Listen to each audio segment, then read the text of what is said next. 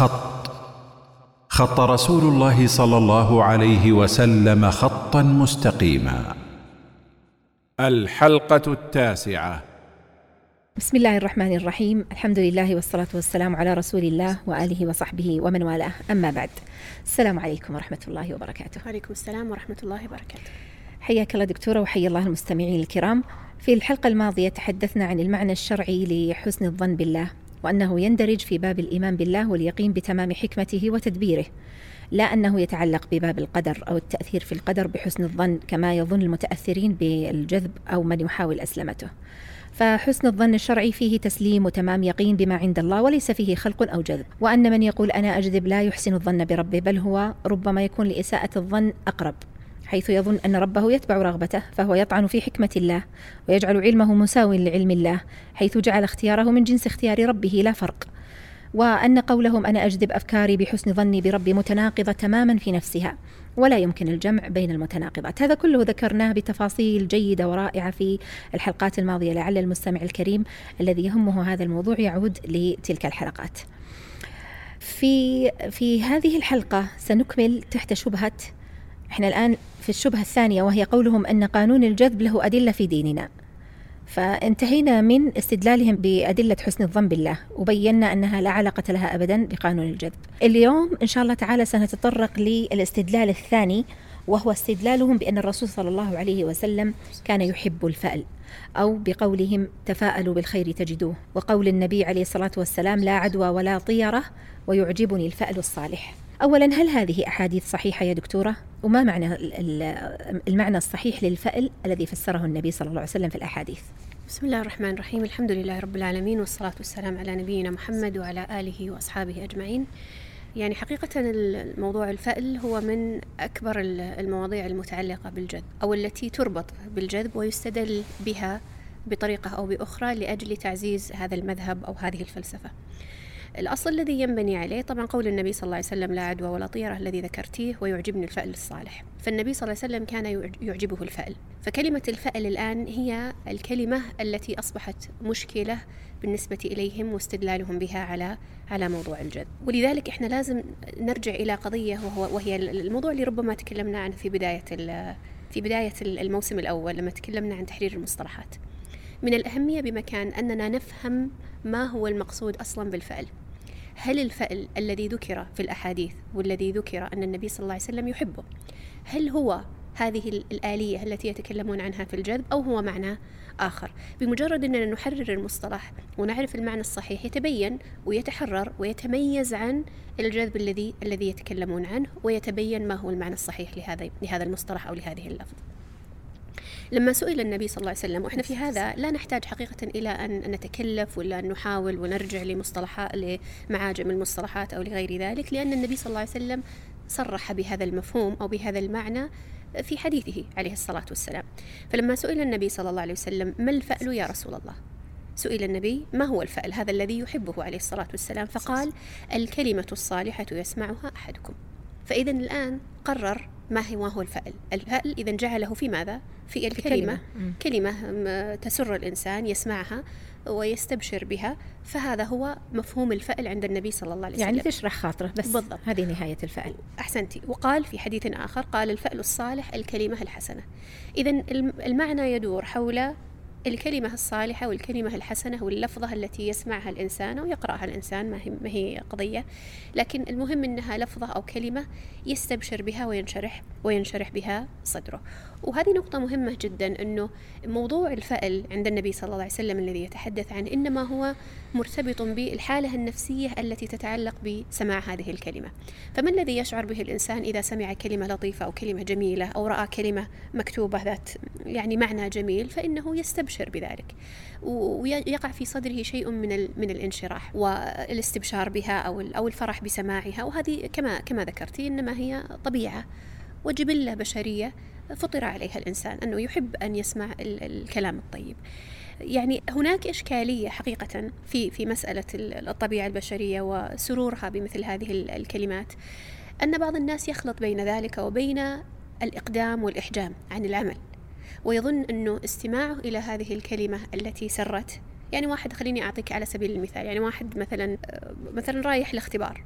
في طريقه الاختبار ثم سمع أحد يقول النجاح ولا ناجح ولا هكذا سمعها عرضا الكلمة ولا شاف عبارات مكتوبة بالضبط، أيها عن الناجحون النجاح. أي شيء عن النجاح أحسنتي فيستبشر يستبشر. ينشرح صدره وي- ويسعد لأجل هذا هذا السماع لا يضره لو أنه مثلا سمع كلمة عن ال- عن الرسوب ولا كلمة عن السقوط ولا كلمة عن الفشل ولا غير ذلك لا يجعله هذا يحجم. فمثلا نقول ما ماني ذاهب للاختبار؟ بأجل الاختبار ليوم آخر إذا كان يقبل ذلك. ولا إذا سمع كلمة النجاح قال إيه خلنا نختبر إذا اليوم. فإذا ليس لا يؤثر في عمله المفترض. نعم هي اذا اذا بس المقصود بها أن الاستبشار هذا هو مجرد شعور يشعر به الإنسان. ليس مرتبطا لا بإقدام على عمل ولا بتأخر عن عن عمل ذلك العمل يعني كأن النبي صلى الله عليه وسلم. يشرح جبلة وطبيعة بشرية صحيح يقول إذا سمع مثل هذه فإنه ينشرح صدره ويحب رسول الله هذا الانشراح في الصدر يحب هذا نقطة الانشراح. انتهى انتهى مم. انتهى الموضوع ولذلك يقول ابن القيم سأقرأ لك نص يعني يوضح هذا هذا المفهوم يقول ابن القيم رحمه الله ليس بالإعجاب بالفأل ومحبته شيء من الشرك لأنه ليش ليش ذكر الشرك في هذا المعرض؟ إيش تتوقعين السبب؟ لأن الطيرة لأن شرك. الطيرة شرك والفأل استثني من أنواع أنواع الطيرة. الطيرة وإن كان يشبهه يعني يشبه صورة الطيرة التي هي يسمع الإنسان كلمة ولا يرى شيئا فيحجم أو يقدم أيوة فالفأل يشبهه من جهة لكنه يختلف عليه من جهة أنه يؤدي إلى. إحجام مم. يؤدي إلى إحجام أو أقدام أيوة. فيقول ابن القيم ليس بالإعجاب بالفأل ومحبته شيء من الشرك بل ذلك إبانة عن مقتضى الطبيعة وموجب الفطرة الإنسانية التي تميل إلى ما يوافقها ويلائمها. والله جعل في غرائز الناس الإعجاب بسماع الاسم الحسن ومحبته وميل نفوسهم إليه. وكذلك جعل فيها الارتياح والاستبشار والس- والسرور باسم الفلاح والسلامة والنجاح والتهنئة والبشرى والفوز والظفر ونحو ذلك. ممتاز. نعم. يعني ممكن يا دكتورة أن الناس يستدلون بمثل هذا الحديث أنهم يقولون حسنوا ألفاظكم فإنها تبعث على الانشراح وهذا أمر مطلوب شرعا. ما ما في, ما في يعني إشكالية. بس ما في إشكالية أنه الإنسان يحسن ألفاظه ولذلك كان النبي صلى ولا الله عليه وسلم يظن أنه يتعلق بها أمر يعني ولا يقول أقدم إذا حصل كذا وأحجم إذا حصل صح كذا. صح. ولذلك كان النبي صلى الله عليه وسلم يحب الأسماء الحسنة وكل أيوة. هذه الأمور التي الألفاظ التي التربية يعني. تدعو إلى الاستبشار وتدعو إلى السعادة عند عند سماعه وتوافق الطبيعة. ال- ال- البشرية. في إشكالية أخرى هنا لابد. أن ننتبه إليها. إذا إحنا لما تكلمنا عن الفأل في النقطة الأولى قلنا لا لا, لا كلمة لا يسمعها عرضا يسمعها يعني عرضا. لا لا تؤدي إلى إحجام أو إلى أقدام. أي. لا يذهب بسببها إلى ما يريد فعله ولا يحجم إذا لم تسره الكلمة عن ما لا كان يريد ترده فعله. ولا تدفعه. لا لا ترده. ما تغير في ترد. شيء. بالضبط. لا, يعني لا هي التي تشجعه على على الذهاب ولا التي هي آه، ترده عنه. فهذه النقطة الأولى فيما يتعلق بالفأل والتفريق بين الفأل المشروع الذي كان يحبه النبي صلى الله عليه وسلم وبين الفأل الذي أو إن صح التعبير وإلا فلا يسمى فألا التصرف الذي يعود إلى الطيرة وإن كان يسمى فألا. تمام؟ فالنقطة الأولى أنه لا لا لا, لا يؤدي إلى إقدام ولا إلى إحجام لا يؤثر في قراراته يعني. لا يؤثر وإن كان. يؤثر في انشراح نفسه. بالضبط. عشان نفرق بين الثنتين. بالضبط. الثانية هي أن لا لا يكون هذا الفأل أو هذا الاستبشار بقصد من الإنسان. أيوة. يعني ما يروح يتقصد أنه يسمع هذه الكلمات ولا أنا بمشي مع الشارع هذا لأن اسمه اسم آه، يدعو إلى الاستبشار أو نحو ذلك. بل ال- الأصل أن يمشي في الشارع الذي يوصله إلى إلى إلى مكانه. فإذا وافق واتفق أن اسم الشارع يدعو إلى ال- إلى الفأل والاستبشار استبشر وسر بذلك ولا بأس. لكن لا يتقصد أن يسمع الكلمة أو أن أن يقرأ الكلمة أو أو أو يبحث عن المواطن التي فيها هذه الكلمات الحسنة بقصد بقصد منه. وإنما الأصل أن يحصل مثل هذا اتفاقا وعرضا لا يكون متقصدا. يقول ابن تيمية رحمه الله يقول والفأل الذي يحبه النبي صلى الله عليه وسلم هو أن يفعل أمرا أو يعزم عليه متوكلا على الله فيسمع الكلمة الحسنة التي تسره. يعني الآن سمعها لم يتقصدها ابتداء ويقول الشيخ حافظ الحكمي رحمه الله يقول ومن شرط الفأل ألا يعتمد عليه وألا يكون مقصودا. هذه نقطة مهمة. يعني ما يعتمد عليه في الإقدام والإحجام وألا يكون مقصودا بمعنى أن يتقصده الإنسان ويبحث عنه ويتتبعه. يقول وألا يكون يكون مقصودا بل أن يتفق الإنسان ذلك من غير أن آه، يكون له على بال. هذا كلام نص كلام الشيخ حافظ. وشدد النفراوي في الكلام عن ذلك في في الفواكه فقال هذا إذا لم يقصده يعني يشرع الفأل إذا لم يقصده.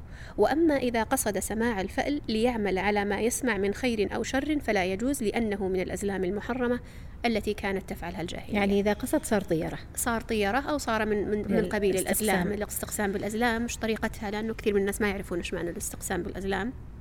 كانوا يضعون أقداح يعني زي الأعواد مثلا في في في سلة ولا في شيء من لا يهم التفصيل في في طريقتها لكنها يضعون فيها نعم أو لا اذهب أو لا تذهب أقدم أو أحجم أو نحو ذلك. ثم يطرح السؤال ويحرك هذا القدح ويأخذ ما فيه من إجابة. فإذا إذا خرجت له نعم فعل فعل الشيء وإذا خرجت له لا لم لم يفعله ويعني يعتمد على هذا في في في قراراته ضربة الحظ يعني. بالضبط. والطيرة هي نفس الفكرة الطيرة إنما كانوا يعني يسمونها طيرة لأن فيها زجر الطير وإلا هي ليست مرتبطة بالطير تحديدا لكن لأنه غلب غلب عليها في في في ذلك الوقت استخدام الطيور بحيث يزجر الطير يخوف الطير ولا يرمى حجر على الطير فيطير الطائر إذا كان راح يمين ولا راح يمين أو يسار إذا راح يمين سافر وإذا راح يسار أجل السفر إلى وقت آخر تشاؤما. فهذه تختلف هذه الطيرة وهذه الاستقسام بالأزلام. يقول الشيخ الآن هنا إذا فعل الإنسان تقصد الفأل أو أقدم أو أحجم بسبب الفأل عاد إلى الاستقسام بالأزلام وعاد إلى الطيرة. الطيرة, الطيرة. لأنها كلها ضرب يعني نوع من الظن. نعم نعم. فهذا هذه نقطة أيضا في موضوع موضوع الفأل وتحديد مفهوم الفأل والفرق بينه وبين الطيرة وبين ما يتكلمون عنه في ممتاز. في الجذب أيضا. مم. نقطة أخرى فيما يتعلق بالفأل أن الفأل لا يعتبر سببا لحصول المرغوب أو المطلوب. أيوه. لأنه لا لا يعني أنت الآن لما يستمع الإنسان إلى كلمة ناجح ليس سبب في نجاحك استماعك لي أو أو سماعك لهذه الكلمة. واعتقادك بانه سماع الكلمة هو بحد ذاته سبب في النجاح هذه هذه هذا هذا الاعتقاد لا يجوز هذا الاعتقاد مخالف. والاستبشار والسرور هو مثل ما ذكرنا شعور بشري وجبلة بشرية وطبيعة بشرية ليست علاقة الآن سببية. وما يتصور أنه النبي صلى الله عليه وسلم عندما يسمع قول القائل يا سالم ولا, ولا, ولا غير ذلك أن قوله يا سالم هو سبب في الشفاء ولا قوله يا واجد هو سبب في أن يجد ضلته فما يتصور هذا عن النبي صلى الله عليه وسلم؟ بل, بل هو يعني كما في نص الحديث أنها مجرد كلمة تسره لأجل طبيعة الإنسان وميله الفطري. لأنه في نفس الحديث كذلك أنه نهى عن الطيرة اللي هي المخالفة تماما بالضبط. ثم أثبت الفعل. فلا يمكن أن أيوة. يكون صار بينهما فرق الآن. أيوة الطيرة والفعل. مع أن بينهما تشابه كل واحد منهما يشوف شيء يسره أو ينقبض صدره فيه. لكن الطيرة هي أمضاك ما أمضاك أو ردك. لكن الفائل لا يمضيك ولا يردك. يعني إحنا الآن في في فرقين واضحين جدا بين الطيره والفأل. أن الطيره فيها إمضاء ورد وفيها يعني اتخاذ قرار بناء على هذه الكلمة صحيح. المسموعة. صحيح. رقم اثنين إنها يسعى لها. في يعني كثير من الأحيان يسعى يقصد لها. يقصد. آه تقصد. وأيضا ربما فرق ثالث وهو أنه يعتقد أنها سبب. بالضبط. لكن ترى يعني الطيره بس للتنبيه ليس بالضرورة أن تقصد. يعني ممكن أن أن الإنسان يتطير بشيء لم يقصده. صح صح. يعني يدخل أحد فيقول أيوة. خلاص ماني برايح ماني برايح. دخل ولا سقط شيء ولا مم. طاح منها شيء إذا قالت لا, لا أكيد أنه فيه تتطير بهذا بهذا الحدث الذي حصل دون أن تكون ابتداء قصدته لأجل اتخاذ القرار. لكن ثلاثة أمور لا يمكن أن تكون في الفعل. بالضبط. هي هذه الثلاثة التي ذكرتها. إذا, إذا فإذا وجدت لم يكن لم يعد لم فعلا. يعد فعلا لم يعد فعلا وإنما انتقل إلى ما يشبه الاستقسام بالأزلام أو ما يشبه أو الطيرة المنهي عنها. ولا يمكن أن يدعو الشرع إلى شيء وينهى عنه في نفس اللحظة. صحيح.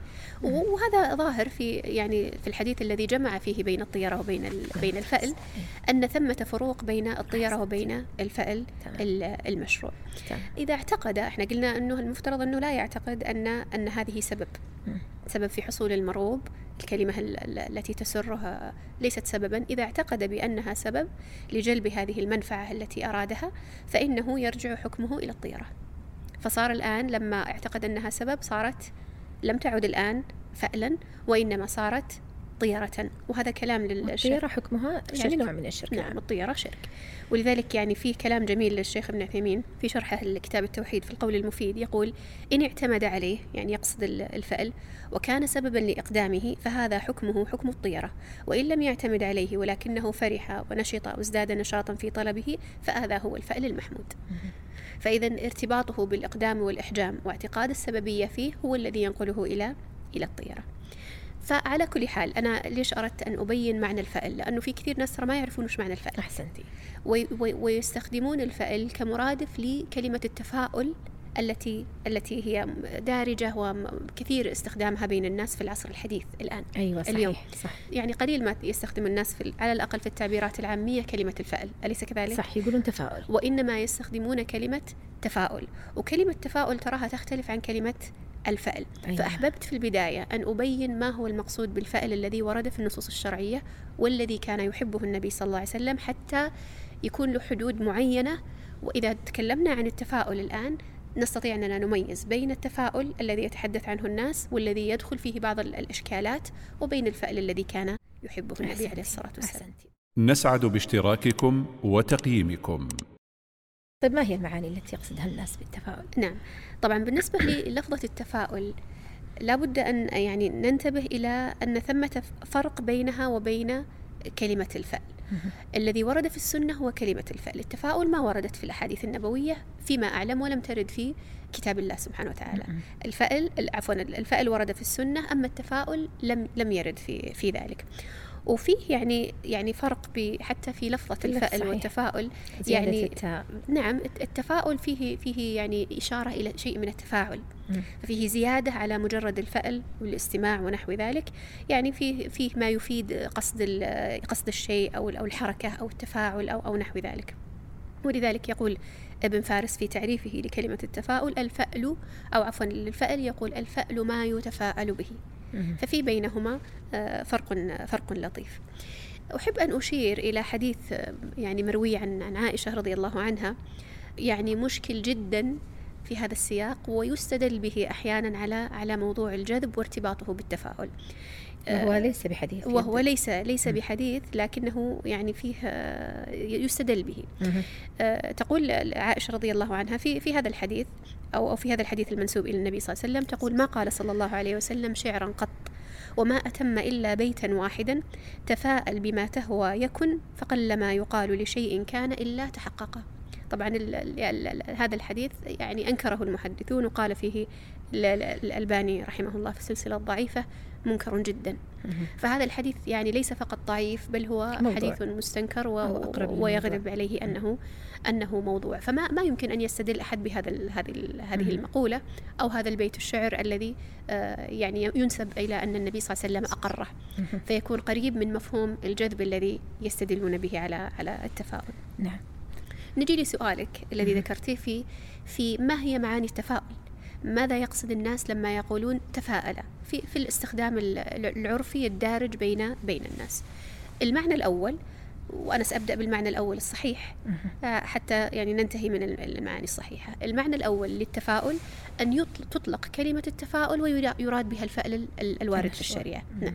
بمعنى أن يقال تفاءل بمعنى ال- الاستبشار بمعنى السرور بالفعل ونحو ذلك وهذا لا شك من الأمور المشروعة آه، الأمور الجبلية الطبيعية التي توافق ما كان عليه محمد عليه الصلاة والسلام كان النبي صلى الله عليه وسلم يعجب بها. فهذا ما في إشكالية لكن ترى هذا واقعيا قلما يستخدمه الناس في كلمة تفاؤل. كلمة تفاؤل يعني قلما يريد الناس هذا المعنى وهذا المفهوم.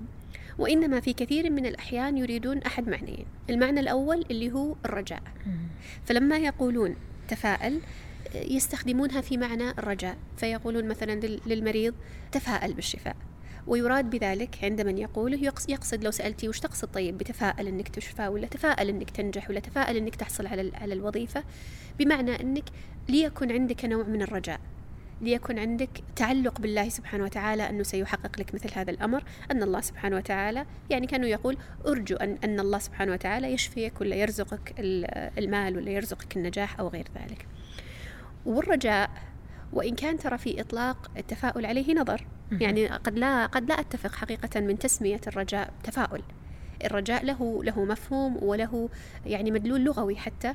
يختلف عن موضوع الفأل وغير ذلك. لكن لو يعني سلمنا وقلنا يعني التفاؤل بهذا هذا المفهوم يراد به الرجاء لكان هذا بلا شك من الأمور المقبولة بل من العبادات القلبية المحمودة. صحيح. وهذا ما في يعني ما في إشكالية ما تنكرين على أحد أنه يقول تفاءل بمعنى كن متعلقا بالله أرجو الله سبحانه وتعالى. هذا أمر لا شك أنه أمر مشروع ومقبول شرعا لكنه يختلف عن الجذب. يختلف عن الجذب ويختلف عن التمني. الأماني. نعم الأماني. الأماني اللي هي أن يكون الإنسان عنده شيء من الرجاء دون أن يكون لديه شيء, شيء من, من العمل, العمل. أحسنت يعني سواء كان في أمور الدنيا أو في أمور الآخرة. يعني الإنسان يقول لك أنا أرجو الله سبحانه وتعالى أن يرزقني النجاح وهو ما يفتح كتابه ولا يذاكر ولا هذا ليس رجاء. هذا ليس رجاء. هذا من التمني المذموم شرعا. صحيح. صحيح. وكذلك لما يقول أنا أرجو دخول الجنة هو لا يفعل أسبابها.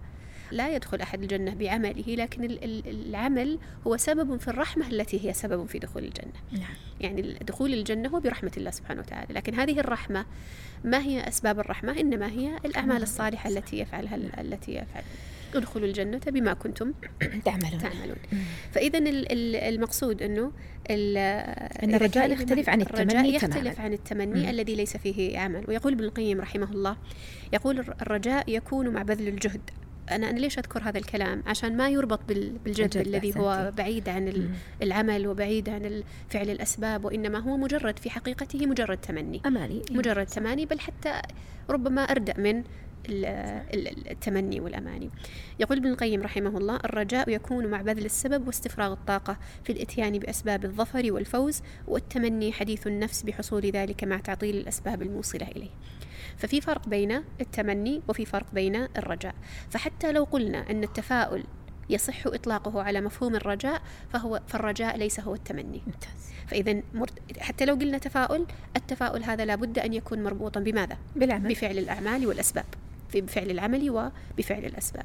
هذا هو المعنى الأول الذي يستخدم آه، يعني بشكل دارج ومنتشر. نعم. نعم وشكل دارج ومنتشر بين الناس. يقولون تفاءل ويريدون هذا المعنى. المعنى الثاني أو المعنى الثالث بالتعداد يعني الكلي هو توقع حصول المرغوب بعينه. فلما يقول تفاءل يعني توقع أن يحصل لك هذا الذي تريده بعينه. فهذا المفهوم. يعني لما يقول تفاءل يعني توقع أن تنجح تفاءل توقع أن تشفى تفاءل توقع أن ترزق توقع كذا. فهو مرتبط بحالة التوقع والتفكير بما, بما الذي سيحصل مستقبلا. هذا التوقع. إن كان مرتبطا بالرجاء فإنه حكمه يرجع إلى الحكم الأول. يعني إن كان المقصود بالتوقع من باب الرجاء. فإنه يعني يكون من الأمور المباحة شرعا بل ربما يكون من من الأمور التي يعني يعني فيها سعة وربما تكون محمودة في بعض الحالات. فلا لا لا إشكال إذا كان المقصود به الرجاء مع والرجاء ذكرنا أنه مرتبط بماذا؟ عبادة أيضا بفعل هو مرتبط بالعمل بالضبط. وعبادة كذلك صحيح. ما يظن الإنسان أنه هو الذي جذب بنفسه مثلا إيه صحيح صحيح بالضبط لكن أنا سأخرج أستبعد ال أي حبة حبة. نعم أستبعد الأمور اللي ليس فيها إشكال عشان نصل إلى الموضع الذي يعتبر مشكلة تمام إن كان المقصود إذا بالتوقع حصول المرغوب إن كان المقصود الرجاء فهو يرجع إلى الأول إن كان المقصود بذلك بالتفاؤل إنه هذا التفكير أو هذا التوقع هو بذاته سبب في حصول المرغوب هذا هو محل الإشكال ومحل النزاع تمام؟ يعني متى يقع الإشكال؟ لما يقول تفاؤلك هو نفسه الذي صار سببا في حصول المقصود كما ذكرنا قبل قليل في تحرير المعنى الشرعي. بالضبط. فقلنا أنه إذا صار كذا انتقل إلى الاستقسام بالأزلام والطيارة و... لا نفس حتى نفس كلامنا سابقا لما مم. تكلمنا عن الجذب. مم. وقلنا أنه الإنسان لما يقول أنه نيتي أو فكرتي أو أو مشاعري أو غير ذلك هي التي جعلتني أحصل على المال ولا أحصل على الولد ولا أحصل على الزوج ولا أحصل على ال ال الوظيفة ولا غير ذلك هنا يصير جذبا.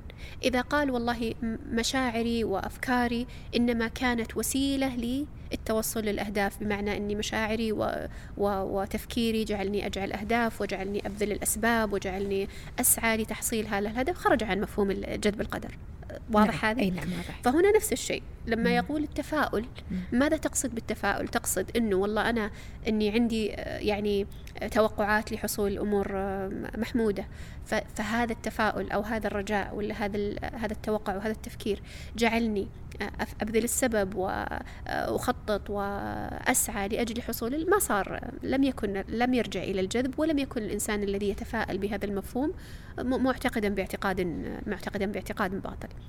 لكن لو كان يقول إنه التفاؤل مجرد هذه الحركة الفكرية أو القلبية هي التي أوصلتني لي الأمر المقصود أو الأمر المطلوب ويستدلون بقولهم تفاؤلوا بالخير تجدوه فيجعلون مجرد التفاؤل هو السبب في حصول الأمر الأمر المرغوب.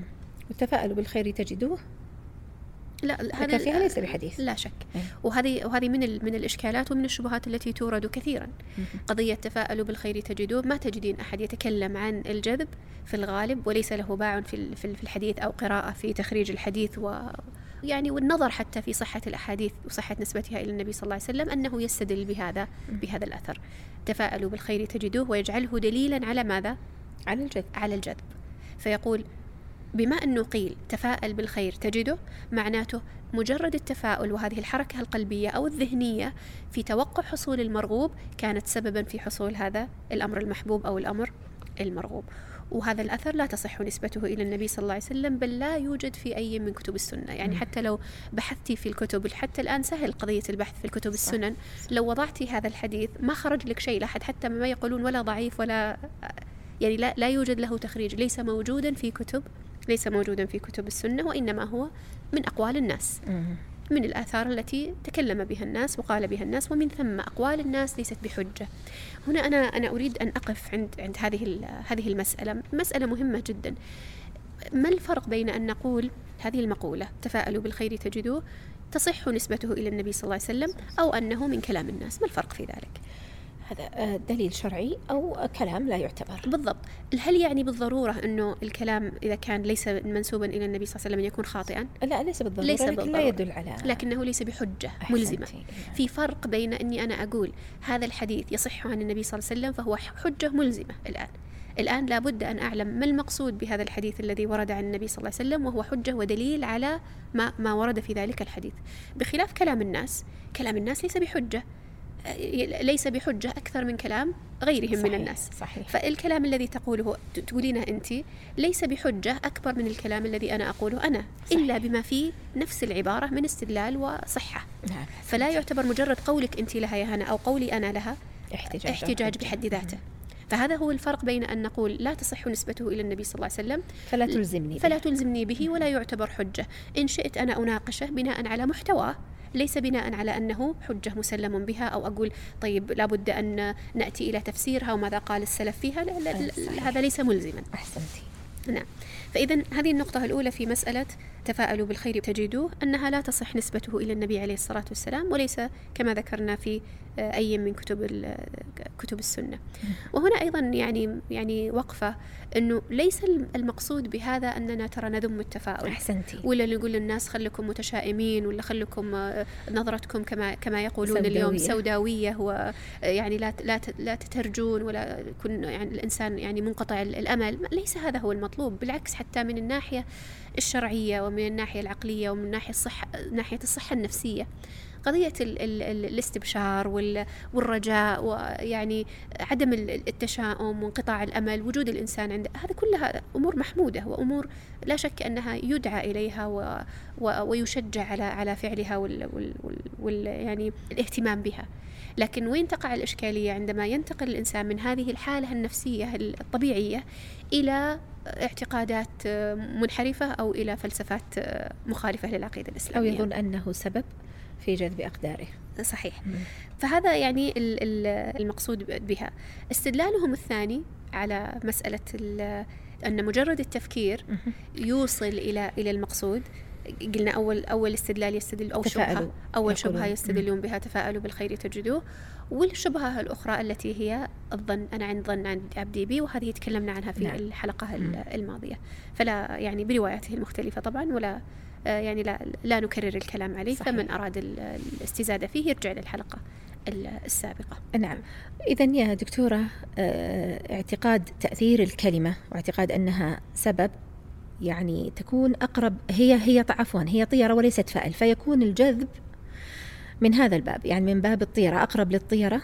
نعم لأنه منه إلى الفعل صحيح لأنه الجذب الآن م. هو اعتقاد بسببية أحسنتي وهو أمر متقصد أيوة. متقصد وبقوة يعني متؤلف له كتب وتعد له برامج ودورات أيوة. وغير ذلك فهو الآن الذي الذي يقول بأنه هذا من قبيل الفأل هو ليس كذلك لأنه الفأل لا يتقصد وهذا يتقصد بشكل ظاهر وواضح والفائل كذلك لا يعتقد بأنه سبب وهذا يعتقد بأنه سبب الجذب الفكرة عنده سبب بل هي السبب المؤثر بل هي السبب الأصيل بل ربما تكون السبب الأوحد حقيقة. فهي تختلف عن الفعل بالإضافة إلى أن الفعل المفترض أنه لا, لا يجعلك تقدم ولا تحجم. ولا يجعلك تفعل أو لا تفعل. بينما تستحدث في قرار. تستحدث. قرار. بينما في في الجذب إنما هي حقيقة القرار وهي حقيقة الفعل وهي حقيقة المقصود. وليست فقط مجرد آه، سبب في أيوة. الإقدام أو إذا ليس اختلاف مسميات كما يقول بعض البعض يقول الجذب عندنا بس اسمه الفأل. لا أبدا ليس هو الفأل. هو ما صار الآن مسميات متطابقة صارت معاني متضادة. بالضبط. الخلل هو في فهم الناس. هو هو اختلاف مسميات ويعني المسميات مختلفة. مم. يعني بمعنى الشيء المعاني. المسمى هو المعنى. نعم. لكن لما نأتي لل للأسماء أيوة. هي مختلفة في الأسماء ومختلفة في المسميات. نعم فلا أيوة تتفق لا في الاسم ولا تتفق في المسمى. ممكن تختلف في الأسماء وتتفق في المسمى. لكن هنا في هذه الحالة اختلف الاسم واختلف المسمى. اختلف المسمى. فلما يقولون اختلاف مسميات نقول نعم هو مختلف, مختلف. في مسمياته التي هي محتواه ومعاني معاني نعم. متضادة تماما. طيب الآن ممكن يجي أحد يقول تفاءلوا بالخير تجدوه مثل قول ادعوا الله وأنتم موقنون بالإجابة. صحيح. وهذه من الشبهات التي تورد في هذا هذا المجال. إن شئتي نتكلم عنها أو نرجعها لل طيب نجعلها إن شاء الله تعالى في الحلقة القادمة ونوسع الحديث عن هل الدعاء أو اليقين في الدعاء هو الجذب وما الفرق أيضا كما فرقنا في هذه الحلقة بين الفأل والجذب شكر الله لك دكتورة. أستودعكم الله الذي لا تضيع ودائعه. سبحانك اللهم وبحمدك أشهد أن لا إله إلا أنت. أستغفرك وأتوب إليك. السلام عليكم ورحمة الله. السلام